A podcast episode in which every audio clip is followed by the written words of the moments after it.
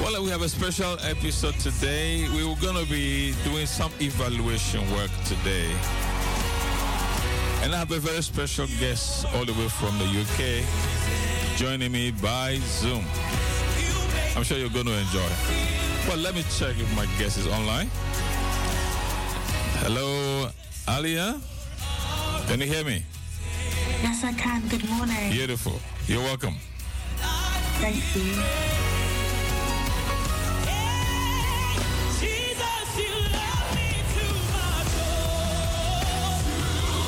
Well, we're using this song to preface uh, for now the topic we'll be talking about. We'll be introducing that shortly.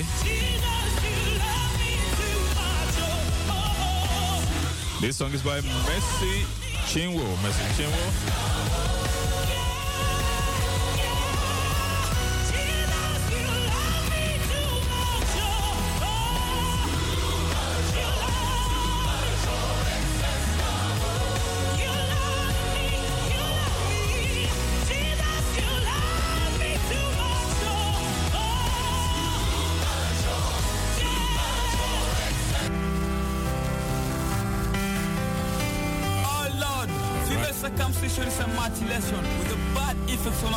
Health. I say don't cut, please, don't cut them. Yes? As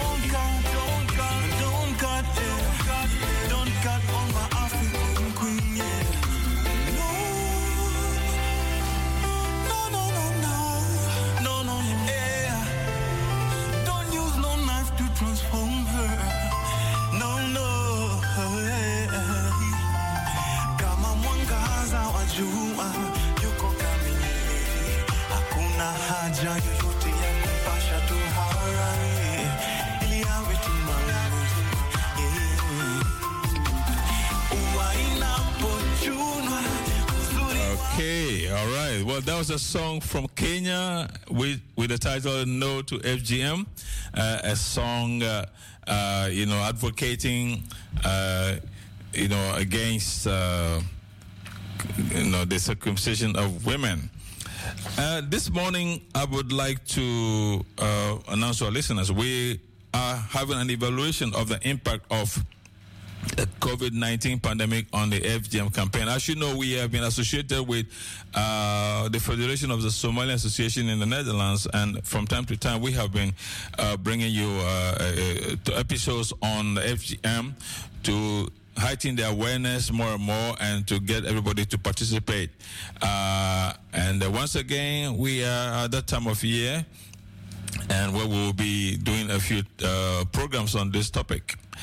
Uh, today we'll be evaluating how the pandemic did affect the FGM campaign. And for this, we have uh, a guest uh, all the way from the UK joining us by Zoom. Um, as a matter of fact, um, until now, for at least the last uh, three decades or so, the campaign had been on, you know, picking up strongly. Uh, but when the pandemic hit, uh, the work also took a hit.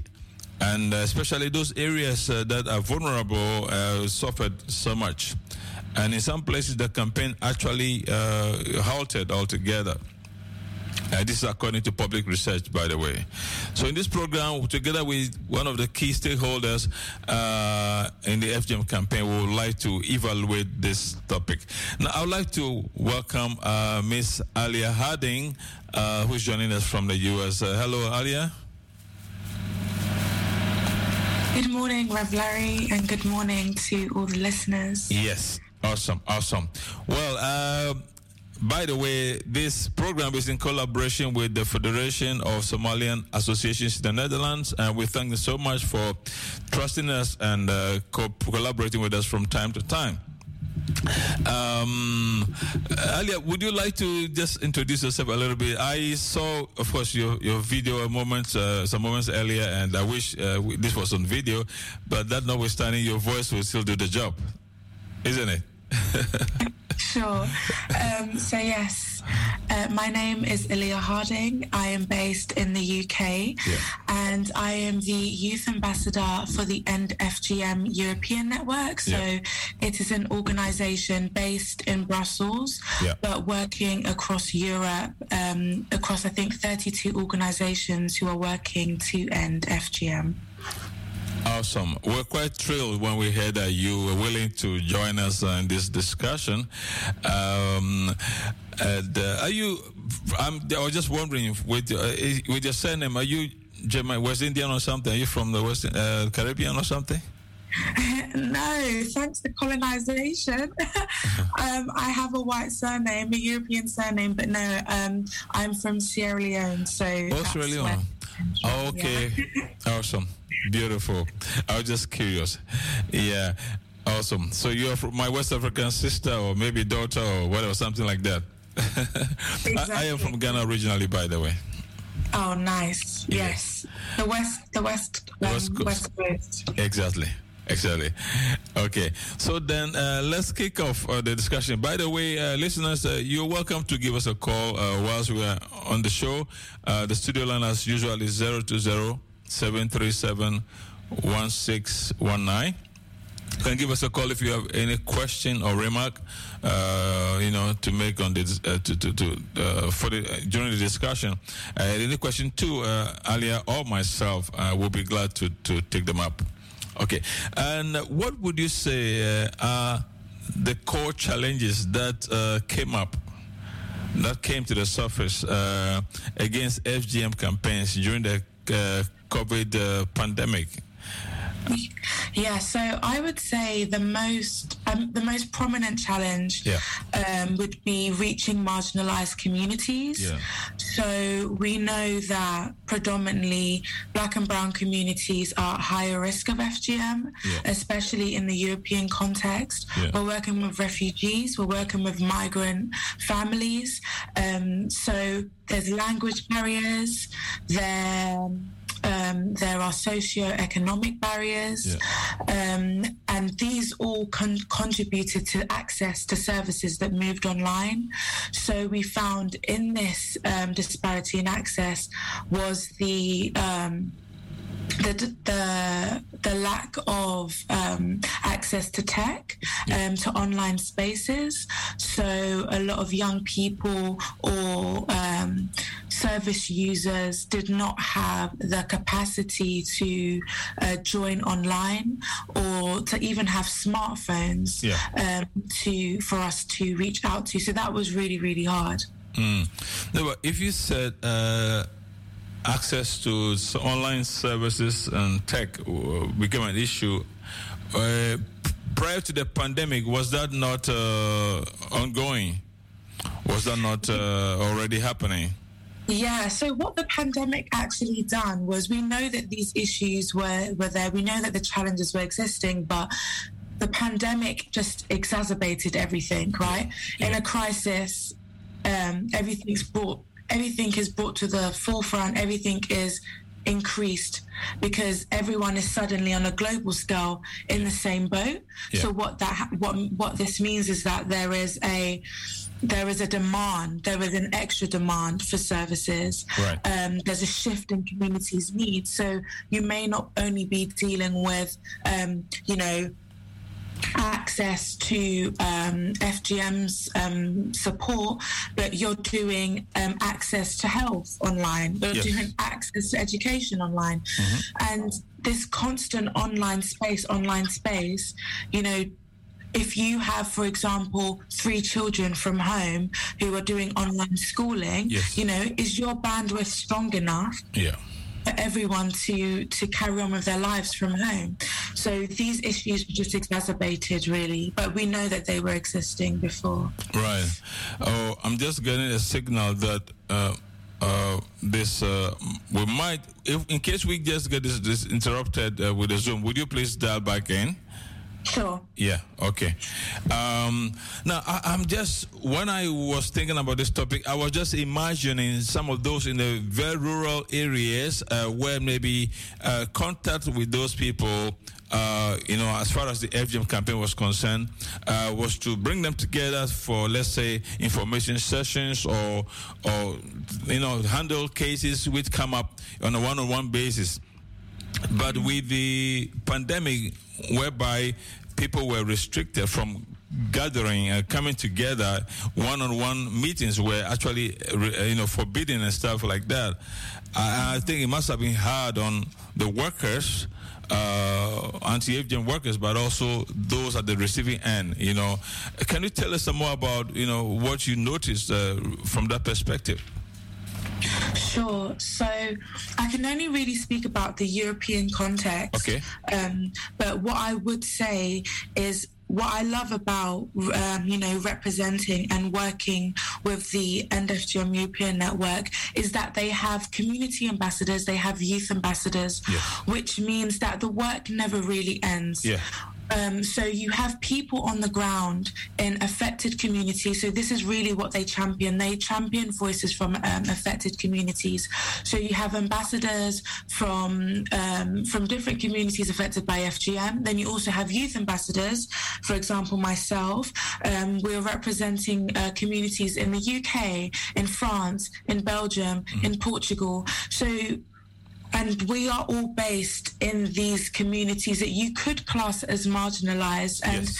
so while we may not be able to do a pan-european campaign you know we are able to rely on the network to help us distribute resources or even for us to have a collective message on where we stand and what we are doing to take steps to continue our work. Um, so for example in my case we we moved a lot of services online which again you know not everyone could access but it meant that in some capacity Yes. the campaign was still ongoing Okay.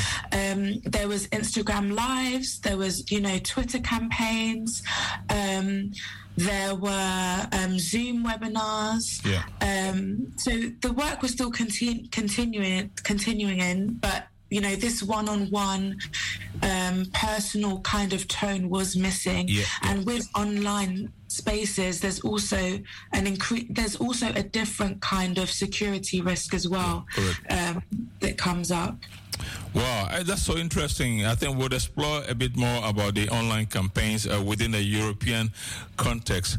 Um, but let's look at how specifically uh, some of these, maybe maybe highlighting some of these uh, difficulties which came up. Uh, let's see, let's analyze some of them specifically. Like for example, um, uh, the experience you you notice uh, with, uh, let's say uh, the offering of services because of, let's say, the closure of schools, and maybe uh, those. I don't know whether we have court courts here in in, the, in in the Europe where we can handle cases like this, uh, and also maybe some of the shelters and rescue homes, you know, which take in people who are at risk of being cut or who need protection. Yeah. Uh, can you comment a bit on some of the the restrictions and how they affected some of these services specifically? Yeah, of course. Um, so one thing I would say is that FGM still is treated as a taboo, a sensitive issue, right. um, and I would say across the board, from survivors to campaigners to stakeholders, you know, there's still this. Oh, can I really speak about FGM in the public space? Right? I need to be in a safe space. I need to be in an intimate space, maybe a one-on-one space where I can talk about this issue. So there's still this silence around talking about it. So what this meant is that when young people are at home or service users, um, FGM survivors are at home or those um, at risk, um, this meant that they may not have the confidentiality at home that they would have had on a one-to-one basis, which means that they don't have the space to um, you know, to express their needs and what they really need. Because you may have, you know, your mother or your auntie in the same room as you. You may be sharing a bedroom with other siblings. So there was we know that there may have been challenges to expressing needs, um, or maybe you're expressing your needs, but not to the full um, extent of what you need. But also, when we are when needs are being expressed, to what capacity can then we respond to that need, right? Especially if we have to social distance, right. uh, especially if, you know, with um, lack of PPE, this was a big issue. Um, a lot of, um, I would say that PPE distribution to the NGO sector was, a, was at a much later stage. Yes. I'm speaking from a UK context. Yes. The PPE was outrolled to, you know, frontline workers, which is amazing, but we also need to understand that, you know, community organizations, they are also frontline workers. So there was a gap in that. So we had the focus on the healthcare, but you know, NGOs, community workers, and community activists, you know, that we should be seen as essential workers too, because we are literally at the forefront of the work that we are trying to support. We're living in these communities that are affected, so that was that was a challenge. Um, and I would say as well, with everything being online, young people just didn't have the capacity to to to be online for everything. You're yes. you're doing nine to nine a.m. to three three p.m. online, and then you know when do you have the time to then take a break before then going online and then you know, having to speak to someone else. Um, so what you found was that we may have had a lot of webinars, a lot of training, a lot of sessions, but you know, just how me and you um, are on blank screen, it would be the same. So we yes. don't even know if they're really engaging. Yeah, that yeah, their yeah. name may be appear uh, like their name be on the their name may be on the screen. Yes. But do we know that they're safe? Do we know that they're fully engaging? Yes, yes. yes. Um, so it was a challenge. Yeah, yeah, so true, so true, so true, so true. But uh, I'm just curious about something. Uh, would you please tell us a little bit about your own engagement or experience, shall I say, with the FGM issue? Uh, how did you get involved, become involved with FGM? I know. Tell us a bit more about that, if you don't mind. Yes. Uh, no, that's totally fine. So um, I actually came across FGM while I was in my undergraduate studies, um, and I was predict- I was um, I saw a map of um, prevalence, and I saw Sierra Leone on the map and I was so confused because I did a few uh, my early primary school years in Sierra Leone, yeah. and my family have never spoken about it. So I went back to my grandma, mm. and I was like, you know, FGM, what is it? And she said, oh no, it's not happening anymore. We don't do that anymore. And I was like, but I'm being told one thing, and you're telling me another thing. Yeah. So I kind of took it on myself to do my own sort of research, wow. and through that, I started working with an organisation called Forward UK, yeah. um, Foundation for Women's Health Research Research um, and Development. They're an Af- African women's led organization based in London, but they work across Europe, across Africa.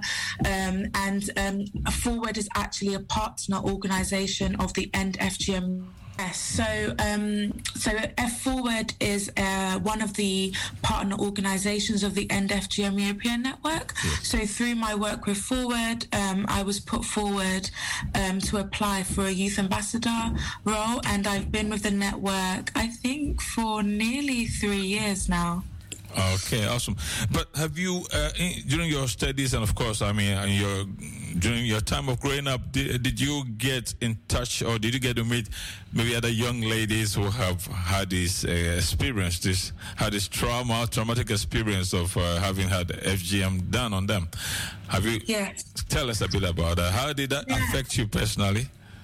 so it's so I think my own ignorance stopped me from seeing the prevalence of FGM in like my everyday sort of life. And I say this because there's such a negative tone around FGM, which it, it, it is warranted, right? We know it's a physical violence, it's a brutal act, mm-hmm. but FGM there are survivors. You know, we see a shift in language, especially now in campaigns. It's not F- a victim of FGM; it's an FGM survivor. So when you think of a cut woman, you think, oh, she's a broken woman. She she may not, you know, have children. She may not, you know, have a happy life or be married. But these are all false narratives that I was also holding in myself. That oh God, this brutal act means that your life has stopped. But mm-hmm. no, we see that FGM survivors are contributing members of, of our of our community, of our society. And so what I found was that while I was working in the space, a lot of my colleagues were FGM survivors, Wow. but it never occurred to me. So a lot of women who are working against FGM have actually been through FGM, Wow. and they may not explicitly come out and say it, but through working with them and spending time with them, they will, you know, in conversation, they'll bring it up. And so this is something we need to be aware of that like FGM is so prevalent and FGM doesn't always mean a sad story.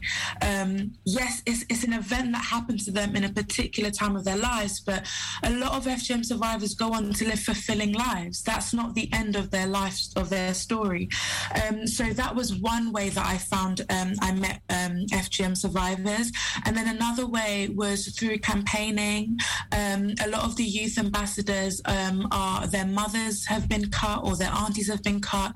Um, we all are in close proximity to survivors. So that's what I really like about working with the network is that you really have people representing affected communities. And so, as a campaigner, as a youth campaigner, uh, what then is the focus of your work, uh, and, and what gives you the passion to, uh, you know, to carry on this campaign the way you're doing? Can you tell us, uh, give us some insight into that? Sure. Um, so I'm a feminist. So I like to, I think there's, speaking about FGM, a lot what I found in campaigning is FGM is seen as like, is treated as a standalone issue. I see FGM in, interconnected with so many different violations of human rights. So yes, FGM is a harmful practice, but why is FGM? Why? What is influencing the practice of FGM? It's these patriarchal standards of what a woman should be, sexist standards around womanhood and sexuality. So for me, FGM is yes, it's about stopping the harmful practice, but what are the other interconnected issues that are coming up? You know, you've got child marriage, you've got um, uh, teenage um, ch- uh, teenage pregnancy, you have forced marriage, you have um, marital rape. So you've got all these, well, statutory rape. So you have all these interconnected issues. So f- with FGM, it's yes, FGM is a practice, but what does FGM present on a wider scale, and what and how does FGM um, even though I'm saying that FGM doesn't always mean the end of a story, but FGM does limit or it does fracture a way a woman or a young girl sees themselves in society. So we know that with FGM, if you're cut, um, you know, it's a practice that we know is predominantly around, you know, infancy to 15 years old.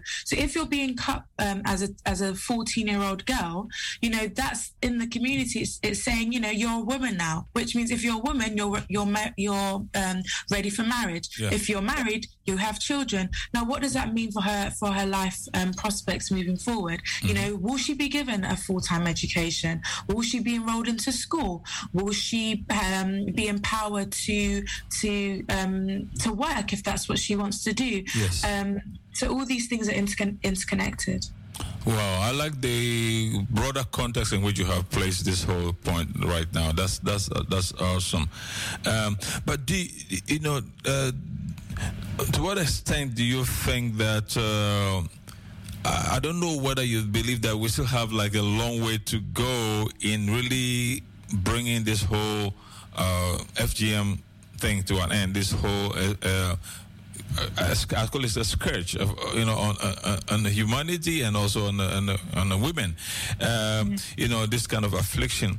Do you think there's still a long way to go, especially given that the pandemic has slowed things down But? Do you think uh, there's a lot of catching up to do in this regard? Mm. I think so. There's two ways I would answer this. So, number one, do we have a long way to go? I'm more hopeful now, actually, post pandemic. Mm. I mean, the UN say, says that, you know, the aim is to end FGM by 2030. So we're now in like, what, seven and a half years until this. Yes. Do I believe that we will end FGM by that time? I truly do believe because I feel like there's a generational shift now mm. where where I'm in a generation where we're like, no, we're not we're not standing for this. And this is not to say that women before us never stood for it but i don't think that the community was ready to hear this sort of message.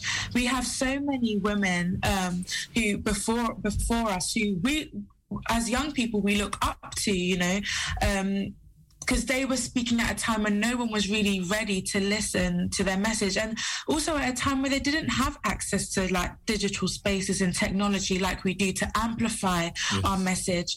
Um, but it's to say that i think we're in a position now where we're not talking about fgm um, or young people in particular, we're not afraid to speak about FGM, speak up about FGM. But also, I think that now there's more, I would say, an intergenerational way in handling the issue. So I think I watched one of the previous um, interviews that you did with the organization in the Netherlands, and you can see there's a panel of men. There's a there's a there's a man on the panel. There's a young person on the panel. There's an older woman on the panel. Yes. So you, you've got conversations that are interconnected now. That it's not only treated as a woman's issue, but a community's issue, a social issue, and everyone's coming together to see, you know, how can I speak about FGM? So even like on when um, the uh, webinars that the End FGM European Network were having during the pandemic, you know, I remember one of the questions was like, you know, how do we engage men on the issue? So we're seeing everyone wants to take a stand, and it's because we're treating FGM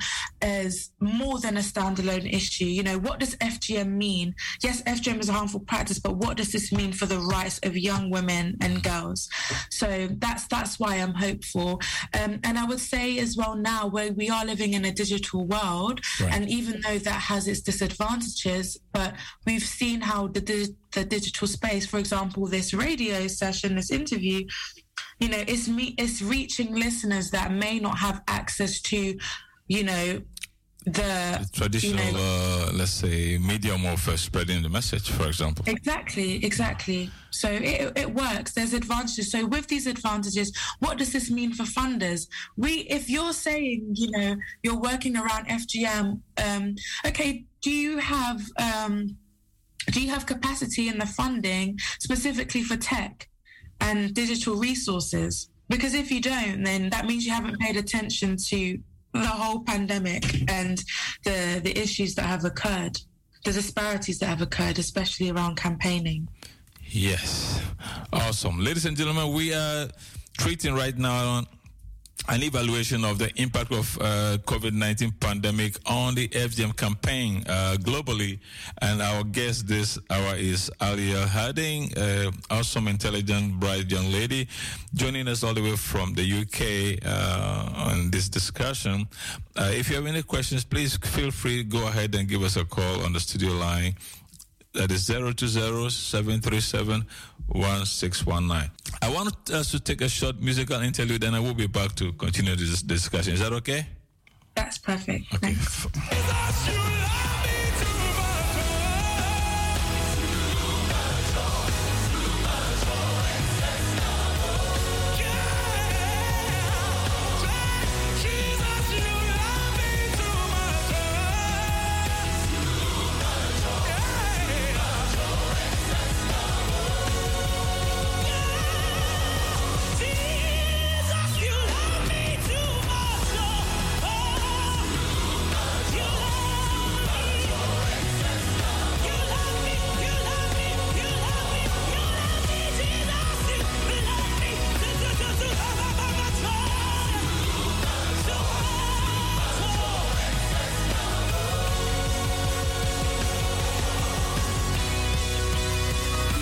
This is Radio Voice of Niger. Right now, we are dealing with a very important topic. FGM is a topic that is not often sp- spoken about, but it's very, very much um, present with us. And so we do, it is good to know there are people who champion this cause and constantly are reminding us to do something about it, not to forget about it or to assume it doesn't exist. We thank people like uh, Alya Harding, uh, in the Netherlands, and End FGM in Brussels, and many other organizations that are connected, connected, and stakeholders in the fight against FGM. Let's not be silent. Let's keep talking. Let's keep exposing these things. So we'll kill it once and for all. If you have a question or remark, please go ahead give us a call on the studio line 020 737 1619.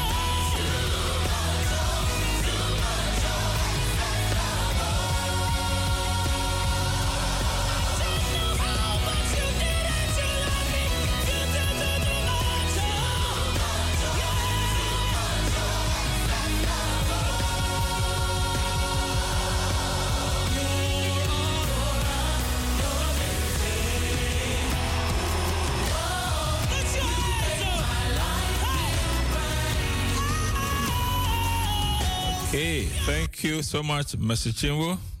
Awesome. Right. Alya, are you still there? Yes, I'm still here. Beautiful. Yes. Um I yes, I was just wondering about the society uh, uh, sustainable development goals of the United Nations, and I know uh, elimination of FGM is uh, one of the goals as well. Uh, yeah, I, I, think I don't know whether I'm not quite sure whether you've already inferred or answered that question uh, when you were speaking earlier on, but yeah, how how yeah, you said by 2030 UN wants to eliminate it, right? But in terms of the SDGs, um, are we still in, on track, uh, given the interruptions that we've had uh, with the pandemic? Yes. So I know this question is off script, but uh, uh see what yeah. you think of it. Yes. I would say that so according to the UN, we are not on track. Um, I don't know. I can't remember the exact statistics, yeah. but I think it's to do around. Um, the uh, you know school closures and young people being at home yeah. and so with young people with the school closures they're moving cutting seasons this yeah. is something that i remember yeah. um, from one of what i've read they're moving cutting seasons so every community has, you know, their own distinct cutting season. Sometimes it's summer, sometimes it's in the winter, sometimes in the spring. It just depends. So if a school is closed um, during, you know, cutting season, then it would be young girls would be cut earlier, if that makes any sense. Yes. So you're seeing um, this. And then another thing that I remember um, from my personal research is I remember a young um, activist saying that if a girl is at home, if she's, for example, if school is closed and she is a sibling, um, she's she's the only girl um, of four um, siblings, so she's the only girl four boys the priority would be okay, we'll send the boys back to school, but since the schools are already closed, mm-hmm. let's just cut her and get her married.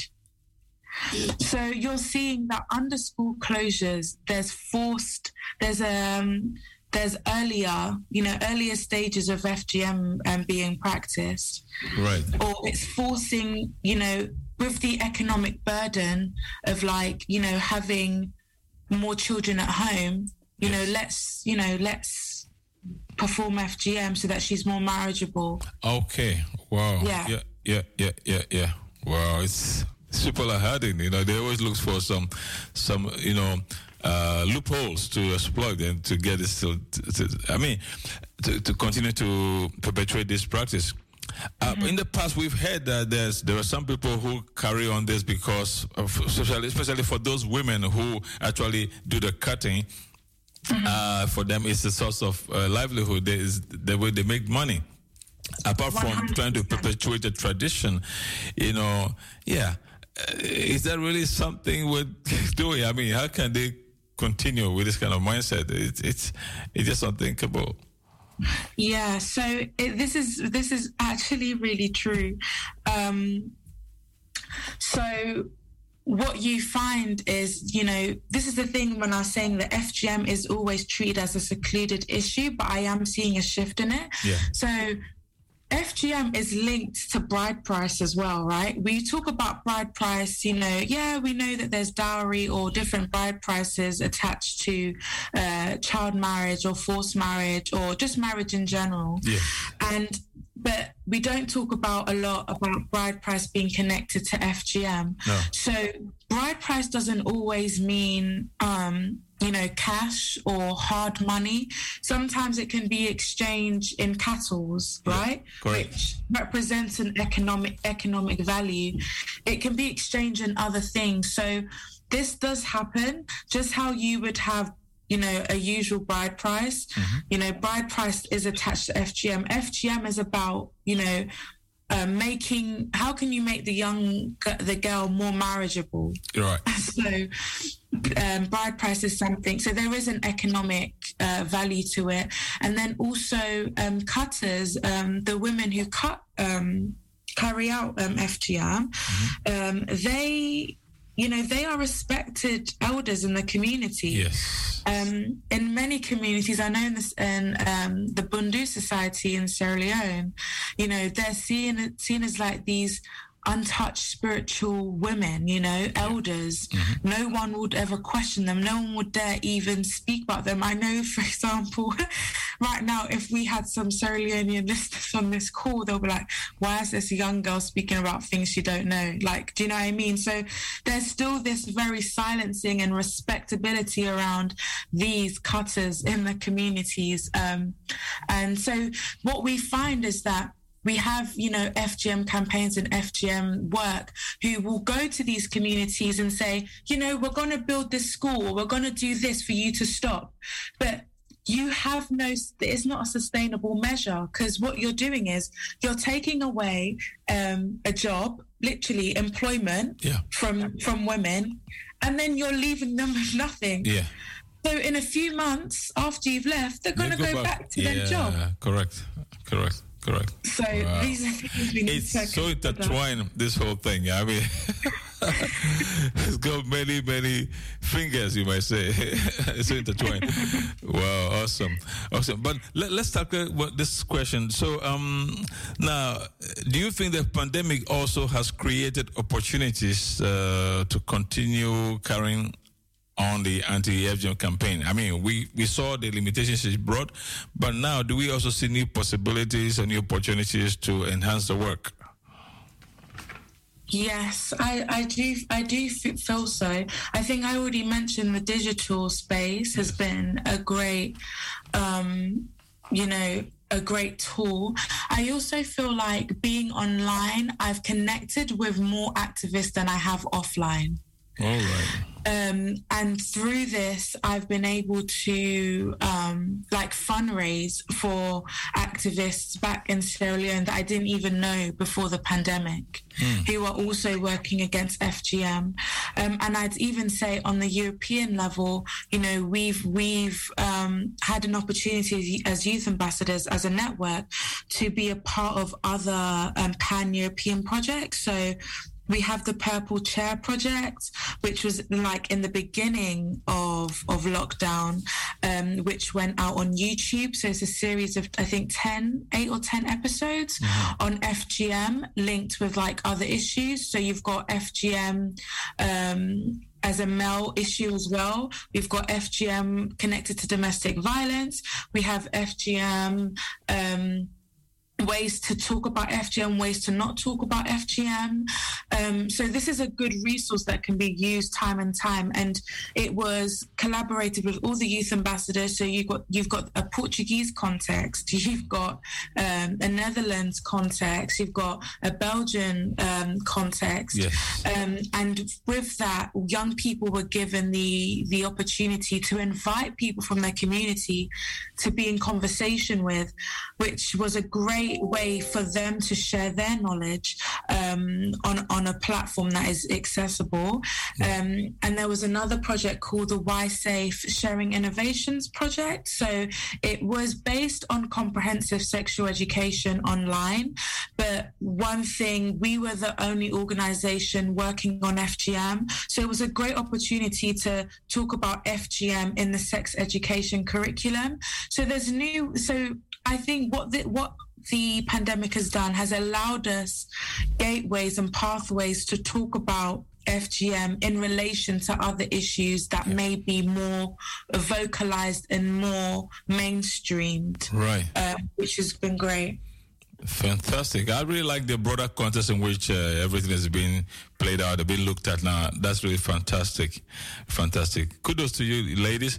Uh, perhaps uh, one more or one or two more questions. Um, well, uh, speaking of the disruptions which our COVID pandemic has introduced to the work you're doing, uh, do you think a lot of adjustments has, have had to be made up until now to accommodate the work? Uh, yes, I do. And I think I mentioned earlier that a lot of women who are working against FGM are also survivors themselves. Yes. So, what you have is with this increased demand, you know, you have increased work on the activists or the community workers and organizations. And so there's a lot of burnout, right? Because you're having to deal with your own trauma, your own um, increased demands, per- personal demands during COVID, and then you're also expected to be to give support. And there's and we we've seen that with the pandemic, there's been a, a redistribution of of funding allocate um, allocation, which means that the focus on COVID 19, the vaccine, and psycholo- psychological issues has meant a decreased funding Yes, yes, yes, um, in FGM and supporting community workers. So, what you find is that you're having to do more work, Yeah. but with less resources, and support. Yes, yes, yes, yes. So that was really hard. Um, and so there was no space for workers, activists to have, you know, their needs taken care of, their mental health, um, um, you know, being taken care of. And now, unfortunately, you see, but understandably, you see, like activists just taking a break now. You know, they have to pour into themselves before they can give to others. So Yeah, correct. you're finding a lot of people are slowing down now post pandemic and and centering themselves first Wow, that is quite unfortunate. Okay, but then what's going to be done to kind of get them back, uh, you know, up to speed, you know, uh, to be doing the work they they have been doing all along? Is there are there plans to correct this because it's going to be damaging to all the work that has been done so far? yeah i think i'd say that i think i mentioned at the start like state the state the government needs to or even us as a society, we need to value activist work more. yes, yes, yes. we need to acknowledge them as essential workers because they are. Yeah. You have, I know a lot of women who work in the space, they have WhatsApp groups that Yeah. are, is basically a community network. Yeah. You have women calling you at 1 a.m. in the morning, Really? 10 a.m., 10 p.m. at night, you know, oh, like um, in distress. Okay. This is not a nine to five job for, for us. Okay. this is around the clock because it may not be service users that you don't that you may not have a personal relationship with, but it may be members in your own family. So there's this assumption that you know, you know, oh, after five p.m. It's done. It's over with. But it's literally around the clock work. And I think once we as a society realize mm. that the work that activists and community workers do, you know, then hopefully there'd be there'll be more support and recognition, recognition and value given to them. And I think the problem is we do see the value of activists and community workers because they're the first people that the government will turn to or the state will turn to to roll out initiatives. Yes. You know, Yes. to access the communities. But I, I don't know. There's there's there's a gap in funding and appreciation Yeah. for this type of um, sort of work. Yeah, I hope I hope that uh, kind of this gap is bridged uh, as soon as possible because clearly, the, from the way you've explained it, you know, the work activists are doing as uh, the, the work is so essential, and you must not allow it to to be lost. You know. Uh, and most of these activists, some of them from a purely from a voluntary point point of view, you know, they put in a lot of their time. Like you said, it's not a nine to five job. Uh, it's literally around the clock. So they're involved. I mean, they they're out there to stand with people to support them, to to be a shoulder on people to lean upon. They need also to be helped to stand. So you know, others can stand on their shoulders, literally. Yeah. Wow, awesome, awesome. Well, well, with this, I think I will draw the curtain on our discussion. By the way, I, I, I, I wanted to get, get a bit into your feminist uh, ideas and stuff like that. I really, I, I want to learn more about that. So, uh, if it's perhaps later we can we can have a talk about this. I'm quite Yes, curious, ac- as a matter of fact. Definitely. yeah. Well, let me thank you so very much for your time. It's been a pleasure talking with you. And uh, I want to wish you all the best on your work. And hopefully, this will be the last time we'll be speaking. Effects on a woman Yes, thank you so much for the invitation. It's been a pleasure. Thank you so much. You're welcome. Have a nice day. You too. Take care. Bye bye. Bye bye.